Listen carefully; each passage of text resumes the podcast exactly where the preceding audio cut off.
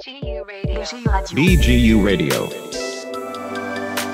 Instructing my administration to halt funding of the World Health Organization while a review is conducted to assess the World Health Organization's role in severely mismanaging and covering up the spread of the coronavirus. ברוכים הבאים וברוכות הבאות לסדרת הפודקאסטים החדשה של המחלקה לפוליטיקה וממשל באוניברסיטת בן גוריון בנגב. בכל תוכנית נארח מומחה מתחום אחר וננסה להבין את השפעות מגפת הקורונה קצת מעבר לבנאלי. על בריאות, חברה, פוליטיקה ומה שביניהן. והפעם, פרופסור גיא בן פורת משוחח עם פרופסור נדב דוידוביץ', רופא מומחה באפידמיולוגיה ובריאות הציבור, ראש בית הספר לבריאות הציבור, וחבר במרכז לבריאות, הומניזם וחברה, על ארגון הבריאות העולמי, אולי הארגון המושמץ ביותר בשבוע האחרון. תודה לעידו רוזנבלום, לבוזי רביב מרדיו BGU, לי קוראים אור ברגר, הפרק העשירי של הכל פוליטי, מתחיל עכשיו.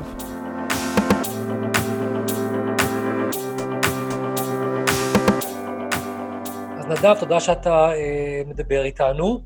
אנחנו לומדים יחסים בינלאומיים על המתח הזה שבין אה, עולם גלובלי עם מוסדות בינלאומיים שהולכים ונהיים יותר חשובים מצד אחד, מצד שני, אבל המתח הזה שבין מדינות לבין ארגונים בינלאומיים, מבוכים על סמכות ועל אחריות.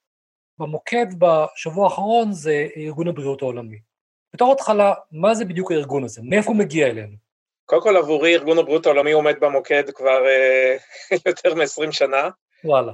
אה, זה נורא מעניין איך אה, ההתפרצות הזאת הוציאה לאור כל מיני דברים שאנשים באמת לא היו מודעים להם, עקומות אפידמיולוגיות, בכלל אפידמיולוגיים, בכלל בריאות הציבור.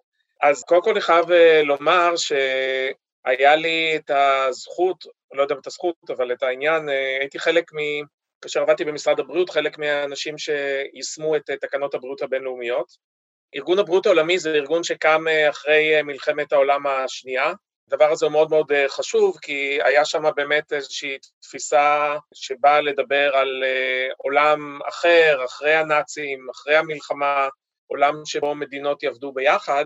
מצד שני, חשוב מאוד לזכור שארגון הבריאות העולמי לא קם מאפס, ובעצם הרבה פעמים יש אה, היסטוריה די נשכחת של בעצם ה-League of Nation והגוף אה, גם של הבריאות אה, שעמד, שחלק מהאנשים גם המשיכו לארגון הבריאות העולמי, ודווקא בתקופה שבין שתי מלחמות עולם היה תפיסות מאוד מאוד מעניינות של בריאות, שכללו בעצם את ההבנה שגם ארגון הבריאות העולמי היום מוביל, שבריאות זה לא רק היעדר מחלה, אלא זה בעצם well-being או שלומות, כמו שאומרים בעברית, שהיא גם פיזית, גם נפשית וגם חברתית. בעצם לקח אה, לארגון הבריאות העולמי המון המון שנים אפילו להבין את מה שהוא אמר אז, אחרי המלחמה, כי אם לוקחים את זה באמת אה, ברצינות, אז אנחנו מדברים פה על שינוי תפיסתי, כולל אה, איפה צריך לשים את המשאבים, זאת אומרת לא רק בצדדים הרפואיים, אלא לדבר על בריאות בכל מדיניות או health in all policies, ולקחת את התפיסה של הבריאות במובן רחב ולהכניס שם גם את ההיבטים של כלכלה ושל תעסוקה ושל דיור ושל חינוך, ולראות איך פועלים אה, אה, ביחד. ושוב, הדברים האלה, מי שמסתכל אחורה בהיסטוריה של רפואה ובריאות הציבור, זה לא היה פעם ראשונה שזה נאמר, אבל בוודאי שאחרי המלחמה היה איזשהו רגע כזה אה, של רצון טוב. וכמובן, כמו הרבה דברים טובים, הרגע הזה של הרצון הטוב, כשהתחילו ליישם אותו, זה נתקל בהרבה מאוד חסמים. ארגון הבריאות העולמי הוא מאוד מעניין גם כי בעצם תהליך קבלת ההחלטות הוא נעשה תמיד בקונצנזוס. וזה אחת הביקורות הרבה פעמים שמעבירים אל ארגון הבריאות העולמי, שהתהליכים שם הם מאוד מאוד איטיים, כי להגיע לקונצנזוס אה, היום מיותר מ-190 מדינות זה כמובן דבר שהוא לא פשוט.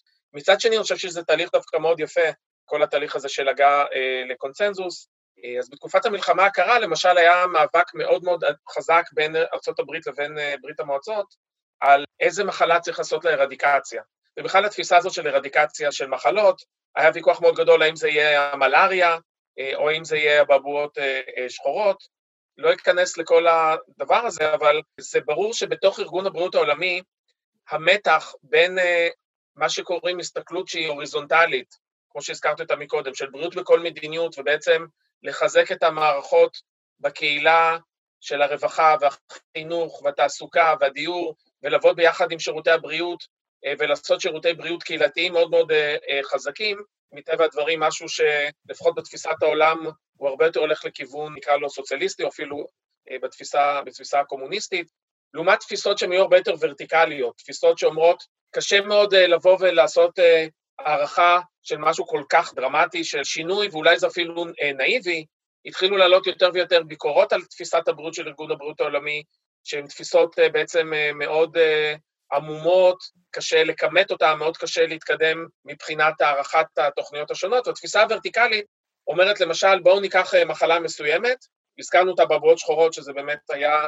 כאילו, עד, עד היום הסיפור ההצלחה הגדול של ארגון הבריאות העולמי, אבל ממשיך הלאה גם עם התוכנית הרדיקציה של הפוליו שהוכרזה ב-1988 ועד היום בעצם עוד לא הסתיימה, והתפיסות הוורטיקליות האלה הן מצד אחד מאוד אפילינג, למשל, אנשים בפילנטרופיה שרוצים לתרום כסף, נכון, אנחנו אוהבים כזה דבר של בואו נכחיד את הבובעות השחורות, בואו נכחיד את הפוליו, אבל מצד שני, לתפיסות האלה יש גם סכנה מאוד גדולה, כשמגיע ארגון כמו ארגון הבריאות העולמי או ארגונים אחרים ואומרים, בואו ניכנס עכשיו למדינה ענייה ונשים את כל המשאבים שלנו בגלל שארגון הבריאות העולמי החליט שעכשיו עושים רדיקציה של פוליו, אז זה אומר שעכשיו בתוך המערכת יכול להיות שאתה תייצר אה, ממש הפרעות אה, שיכולות להיות הרסניות, כי אם למשל נדבר על הרדיקציה של פוליו, אז עכשיו אתה תשלם לאחיות, תיקח אותם לתוך ה...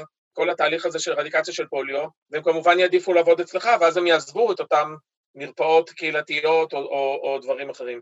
אז המתח הזה בין הסתכלות רחבה על הבריאות, שככה התחיל ארגון הבריאות העולמי, לבין הסתכלות ורטיקלית שמאוד גם אינסטרומנטלית הרבה פעמים, של להתייחס, לקחת מחלה אחת ולהכניס שם את כל המרץ, זה מתח שמלווה את ארגון הבריאות העולמי ובכלל את עולם הרפואה כבר הרבה מאוד uh, שנים.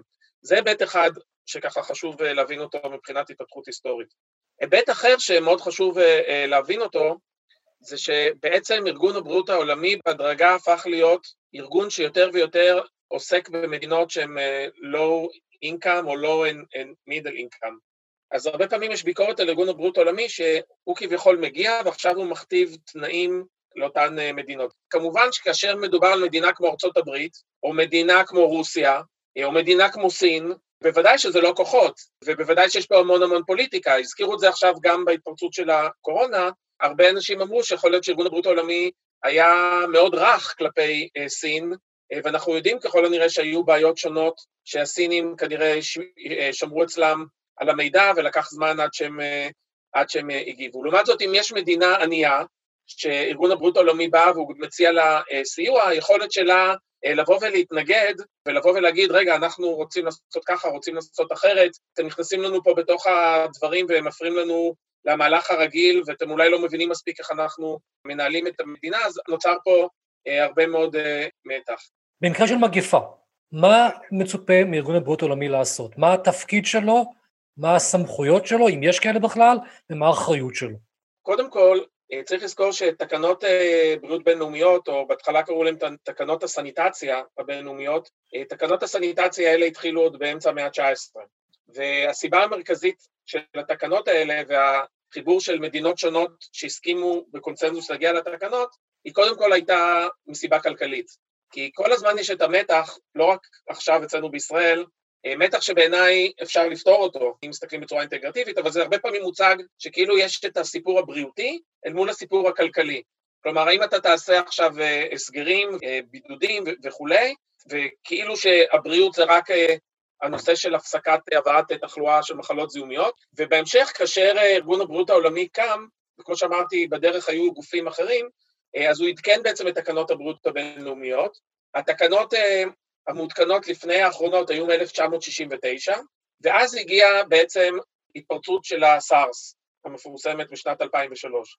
ומה שאז אה, קרה, וזה מה שנתן בעצם אה, את החיזוק לארגון הבריאות העולמי להיכנס אה, לתמונה ולעדכן את תקנות הבריאות הבינלאומיות, שבעצם היה בלגן גדול, מדינות שונות הגדירו הגדרת מקרי תחלואה באופן אחר, מדינות שונות פיתחו בדיקות כדי לאבחן, נשמע לך מוכר, זה יצר בוקה ומבולקה. שוב, הקטע הכלכלי עם ציון העובדה שהעולם אז הפסיד, אה, על פי הערכות שונות, עשרות אה, מיליארדי דולרים, אם לא הרבה יותר, בגלל חוסר תיאום הציפיות וחוסר התיאום בעצם בין המדינות השונות. הדבר הזה הביא בעצם בשנת 2005 להסכמה ועדכון של תקנות הבריאות הבינלאומיות שנכנסו לפועל בשנת 2007, אה, ותקנות הבריאות הבינלאומיות בעצם כבר לא דיברו כמו ב-1969 על מחלות ספציפיות, אלא הם דיברו למשל על מה שמכונה Public Health Emergency of International Concern. כי יכול מאוד להיות שבהתחלה לא נדע בדיוק במה מדובר, כי מדובר בנגיף חדש. כל השיח הזה התמקם מעל שיח שהחל בעיקר בשנות ה-90 של Emerging Infectious Diseases, שנשען על שיח מאוד סודי של ביוטרור מתקופת המלחמה הקרה, ויש ניתוחים מאוד מאוד יפים שמראים איך אה, האנשים שעסקו בזה פחדו שסיום המלחמה הקרה יפסיק להביא להם תקציבים אה, למעבדות שלהם, ואז הם התחילו לדבר ולומר, בעצם אנחנו לא צריכים לדבר על ביוטרור, כי אולי בהתחלה יהיה מדובר במשהו טבעי. ודרך אגב, מבחינה אפידמיולוגית אתם צודקים, בגלל תהליכי גלובליזציה, השינויים האקולוגיים אה, ביחסים בין בני אדם לבעלי חיים, והשיח הזה מאוד מאוד התפתח. אנטוני פאוצ'י, שעכשיו שומעים אותו הרבה בארצות הברית, והיועץ אה, של טראמפ, הוא היה מהאנשים הבולטים שבשנות ה-90 פיתח את, השיח הזה, אה, ויש ניתוח מאוד מאוד יפה של פרופסור אה, ניק קינג, הוא דיבר בעצם על scale politics, איך אנחנו לוקחים ומציגים בעיה, גלובליזציה ובני אדם זזים ממקום למקום, ובעלי החיים וכל הדברים האלה, ואופס, יורדים לרמה של פתרון ברמה של בדיקות מעבדה, כמו שעכשיו אנחנו עושים דיונים שלמים כאילו הבדיקות יצילו לנו את כל, ה, את כל המדינה. ושוב, אני לא מזלזל, גיא, בבדיקות, אבל הדבר המדהים הזה של scale politic, של לדבר על דברים באמת ברמה הכי מורכבת, עם חשיבה שדורשת כמובן אה, חשיבה של מדעי חברה ושל כלכלה ושל אתיקה, ובסוף זה הולך לפתרון אה, מאוד מאוד אה, טכנולוגי. אז חייבים להבין את הרקע הזה, כי הוא נתן בעצם את כל הצדקה ואת הקרקע למומחיות של אפידמיולוגים ושל וירולוגים ושל אה, אנשים שמגיעים מעולם המוכנות והפנדמיה, והדבר הזה בעצם נתן את הקרקע לפיתוח של תקנות הבריאות הבינלאומיות החדשות, שמדברות כבר על משהו הרבה יותר רחב, וגם שם מוזכר הרצון לעשות את הבלנס בין הכלכלה, לנסות ולהמשיך עד כמה שניתן, אה, לבין שמירה על בריאות הציבור. ואני מזכיר לך, גיא, היום זה נראה מאוד אה, מוזר ורחוק, שבהתחלת הדרך ארגון הבריאות העולמי דווקא יצא נגד סגירה של אה, מדינות, מה שהיום הוא כבר לא אה, מדבר עליו.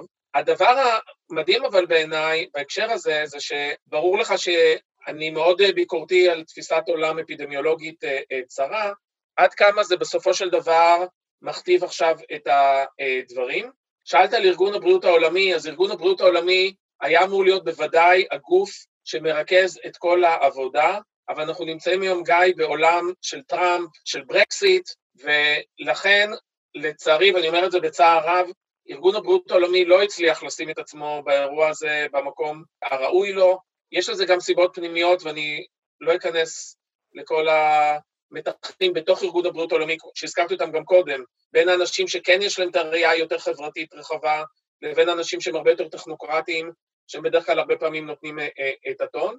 ואולי הדבר שבעיניי הכי עצוב, זה שבסופו של דבר אנחנו מסתכלים עכשיו כל מדינה לתוך עצמה, שברור לנו שבכל מדינה יש את ההתמודדות עם הקורונה שהיא נחה על פערים מבניים, וזה לא לחינם שאצלנו עכשיו יש את העניין של החרדים והערבים וכולי, הרי זה לא צמח בגלל הקורונה, זה דברים שהתחילו קודם, בתי אבות, היחס שלנו לקשישים, אבל פחות ופחות מדברים לא רק על הפערים בתוך המדינות, אלא פערים בין מדינות, ואיך קהילה בינלאומית אתה יכולה אולי לעזור הרבה יותר בהתמודדות אה, עם ההתפרצויות. אני אמשיך לנקודה שבה דיברנו על העולם הגלובלי והארגון הבריאות העולמי.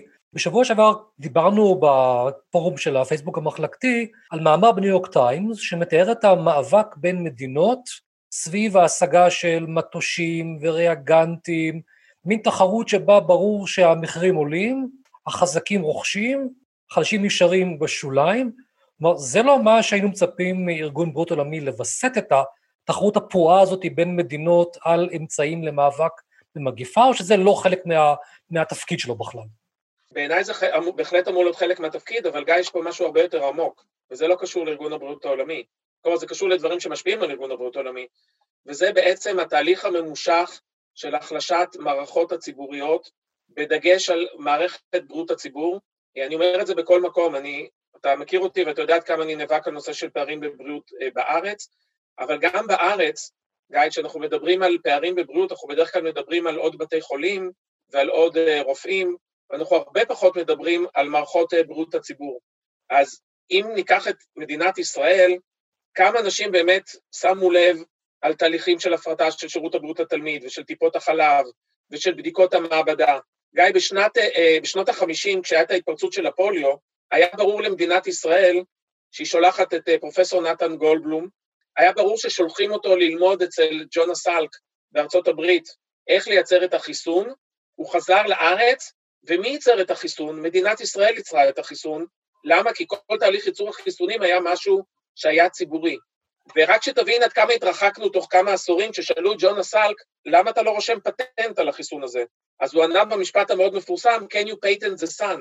האם אתה יכול לכתוב פטנט על השמש? כי בעיניו ייצור חיסונים ולקחת וירוס ולה, ולהחליש אותו, אפילו להנדס אותו, זה נחשב כמשהו שהוא שייך בסופו של דבר לציבור.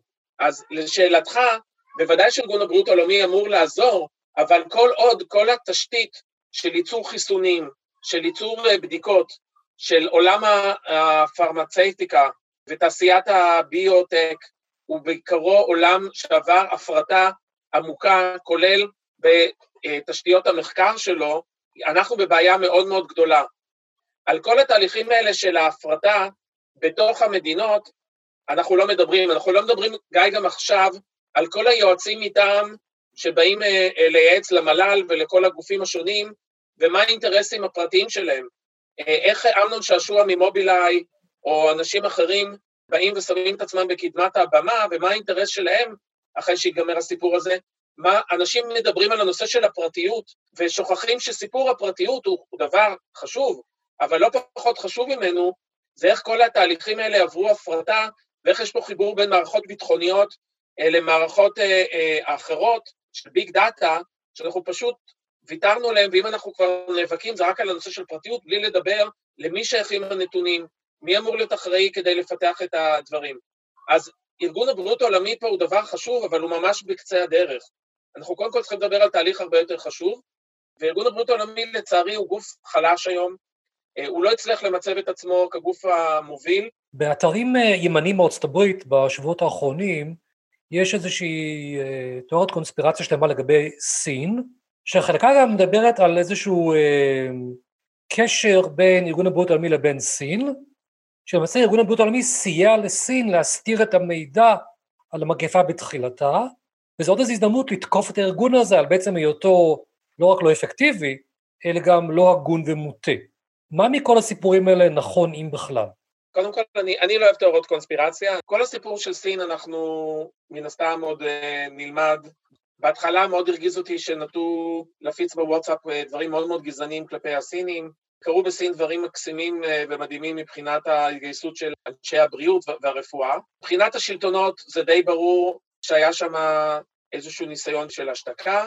כל הנושא של אה, אינדוס גנטי הופרך כבר על ידי הרבה מאוד חוקרים.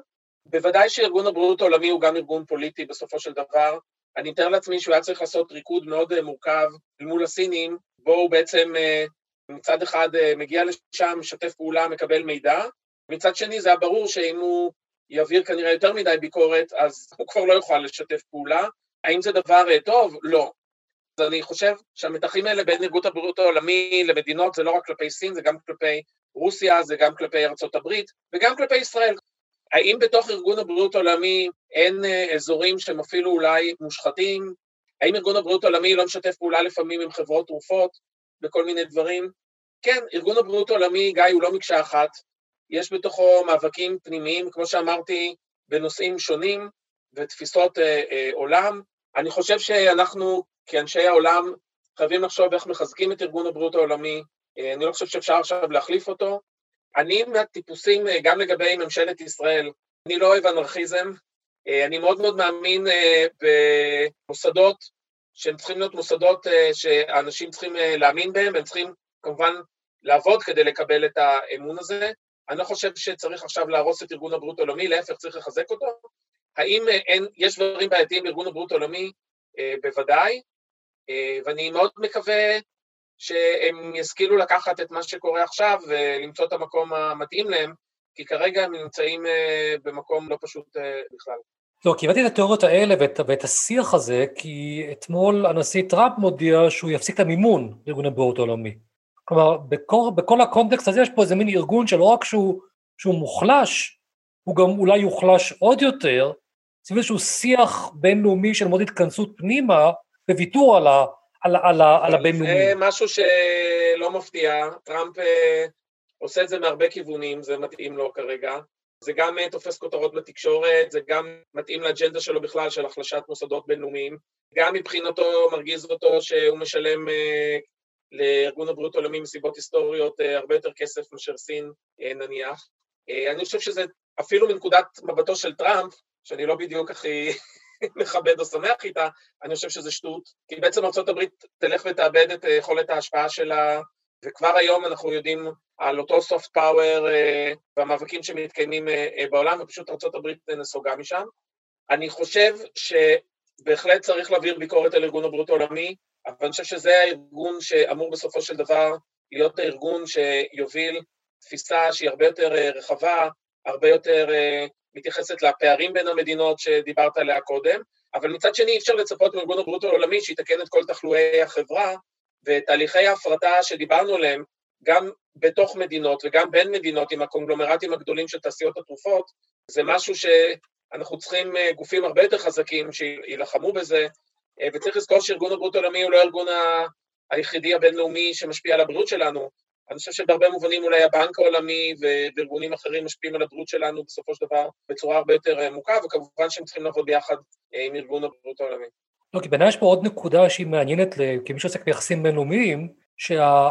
מגמה הזאת של התכנסות פנימה, ומלחמה על מטושים וריאגנטים וסגירת גבולות, היא תיכשל אם המגפה לא תיפתר בכל מקום בעולם. כלומר, דווקא שיתוף, שיתוף הפעולה אפילו מבחינת אינטרסנטית, משהו שהוא רציונלי. כלומר, התכנסות פנימה היא מה שנקרא, זה, זה, זה מדיניות שהיא תביס את עצמה, כמו שאומרים. היא לא יכולה להיות מדיניות מוצלחת בטווח הארוך. בוודאי, זה גם התפיסה של בריאות הציבור, שוב, קודם כל מהמקום של זכויות אדם ושל תפיסה של סולידריות, וכן, גם יש את הטיעון התועלתני, אנחנו לא נוכל להתגבר על התפרצות כזאת אם לא נעבוד כולם אה, אה, ביחד, אבל קשה מאוד לעשות את זה בעולם, כי שוב, הקורונה לא צמחה מכלום, היא קרתה בתוך עולם שיש לו היסטוריה ויש לו מבנה מסוים ויחסי כוח מסוימים.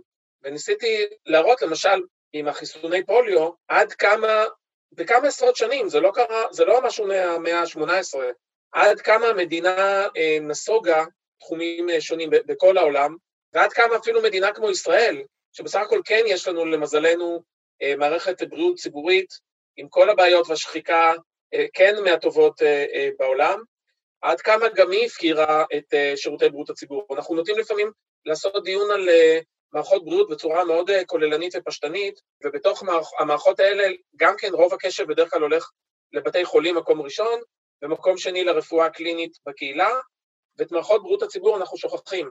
בצורה הכי פשוטה, יש חוק ביטוח בריאות ממלכתי, זה לאנשים חולים, ובעיקר יש שם את מנגנון עדכון של סל הבריאות, עם כל השחיקה שלו, אין בכלל סל מוגדר ומנגנון עדכון אה, לכל מה שקשור לבריאות הציבור.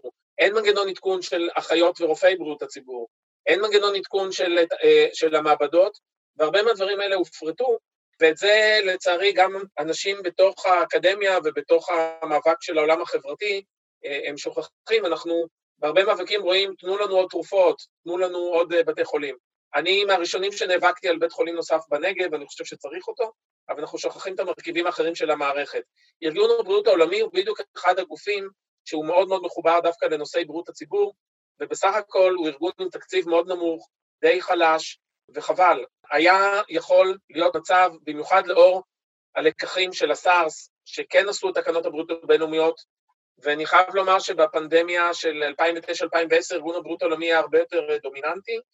אה, פה הרבה גם בגלל הבדלנות הזאת ששולטת בכיפה היום, שטראמפ מייצג אותה, ברקסיט מייצג אותה וכולי, זה פשוט התלבש ביחד, וזה דבר שהוא מאוד uh, בעייתי, ואני מאוד מקווה שחלק מהיציאה, אתה יודע, גיא, אנחנו נצא מהקורונה, זה יעבור, זה לא הארמגדון שמחסל אותנו, והרבה דברים שאנחנו עושים עכשיו, אנחנו צריכים כבר לחשוב על איך לבנות דברים שהם בני קיימא, בהסתכלות ארוכת טווח, אז ארגון הבריאות העולמי בוודאי זה אחד מהם, ומערכות בריאות הציבור גם הן, צריכות, הם צריכים לקבל את המקום הראוי, גם מבחינת תשומת הלב, מבחינת המימון, הכוח אדם המתאים שמגיע לשם.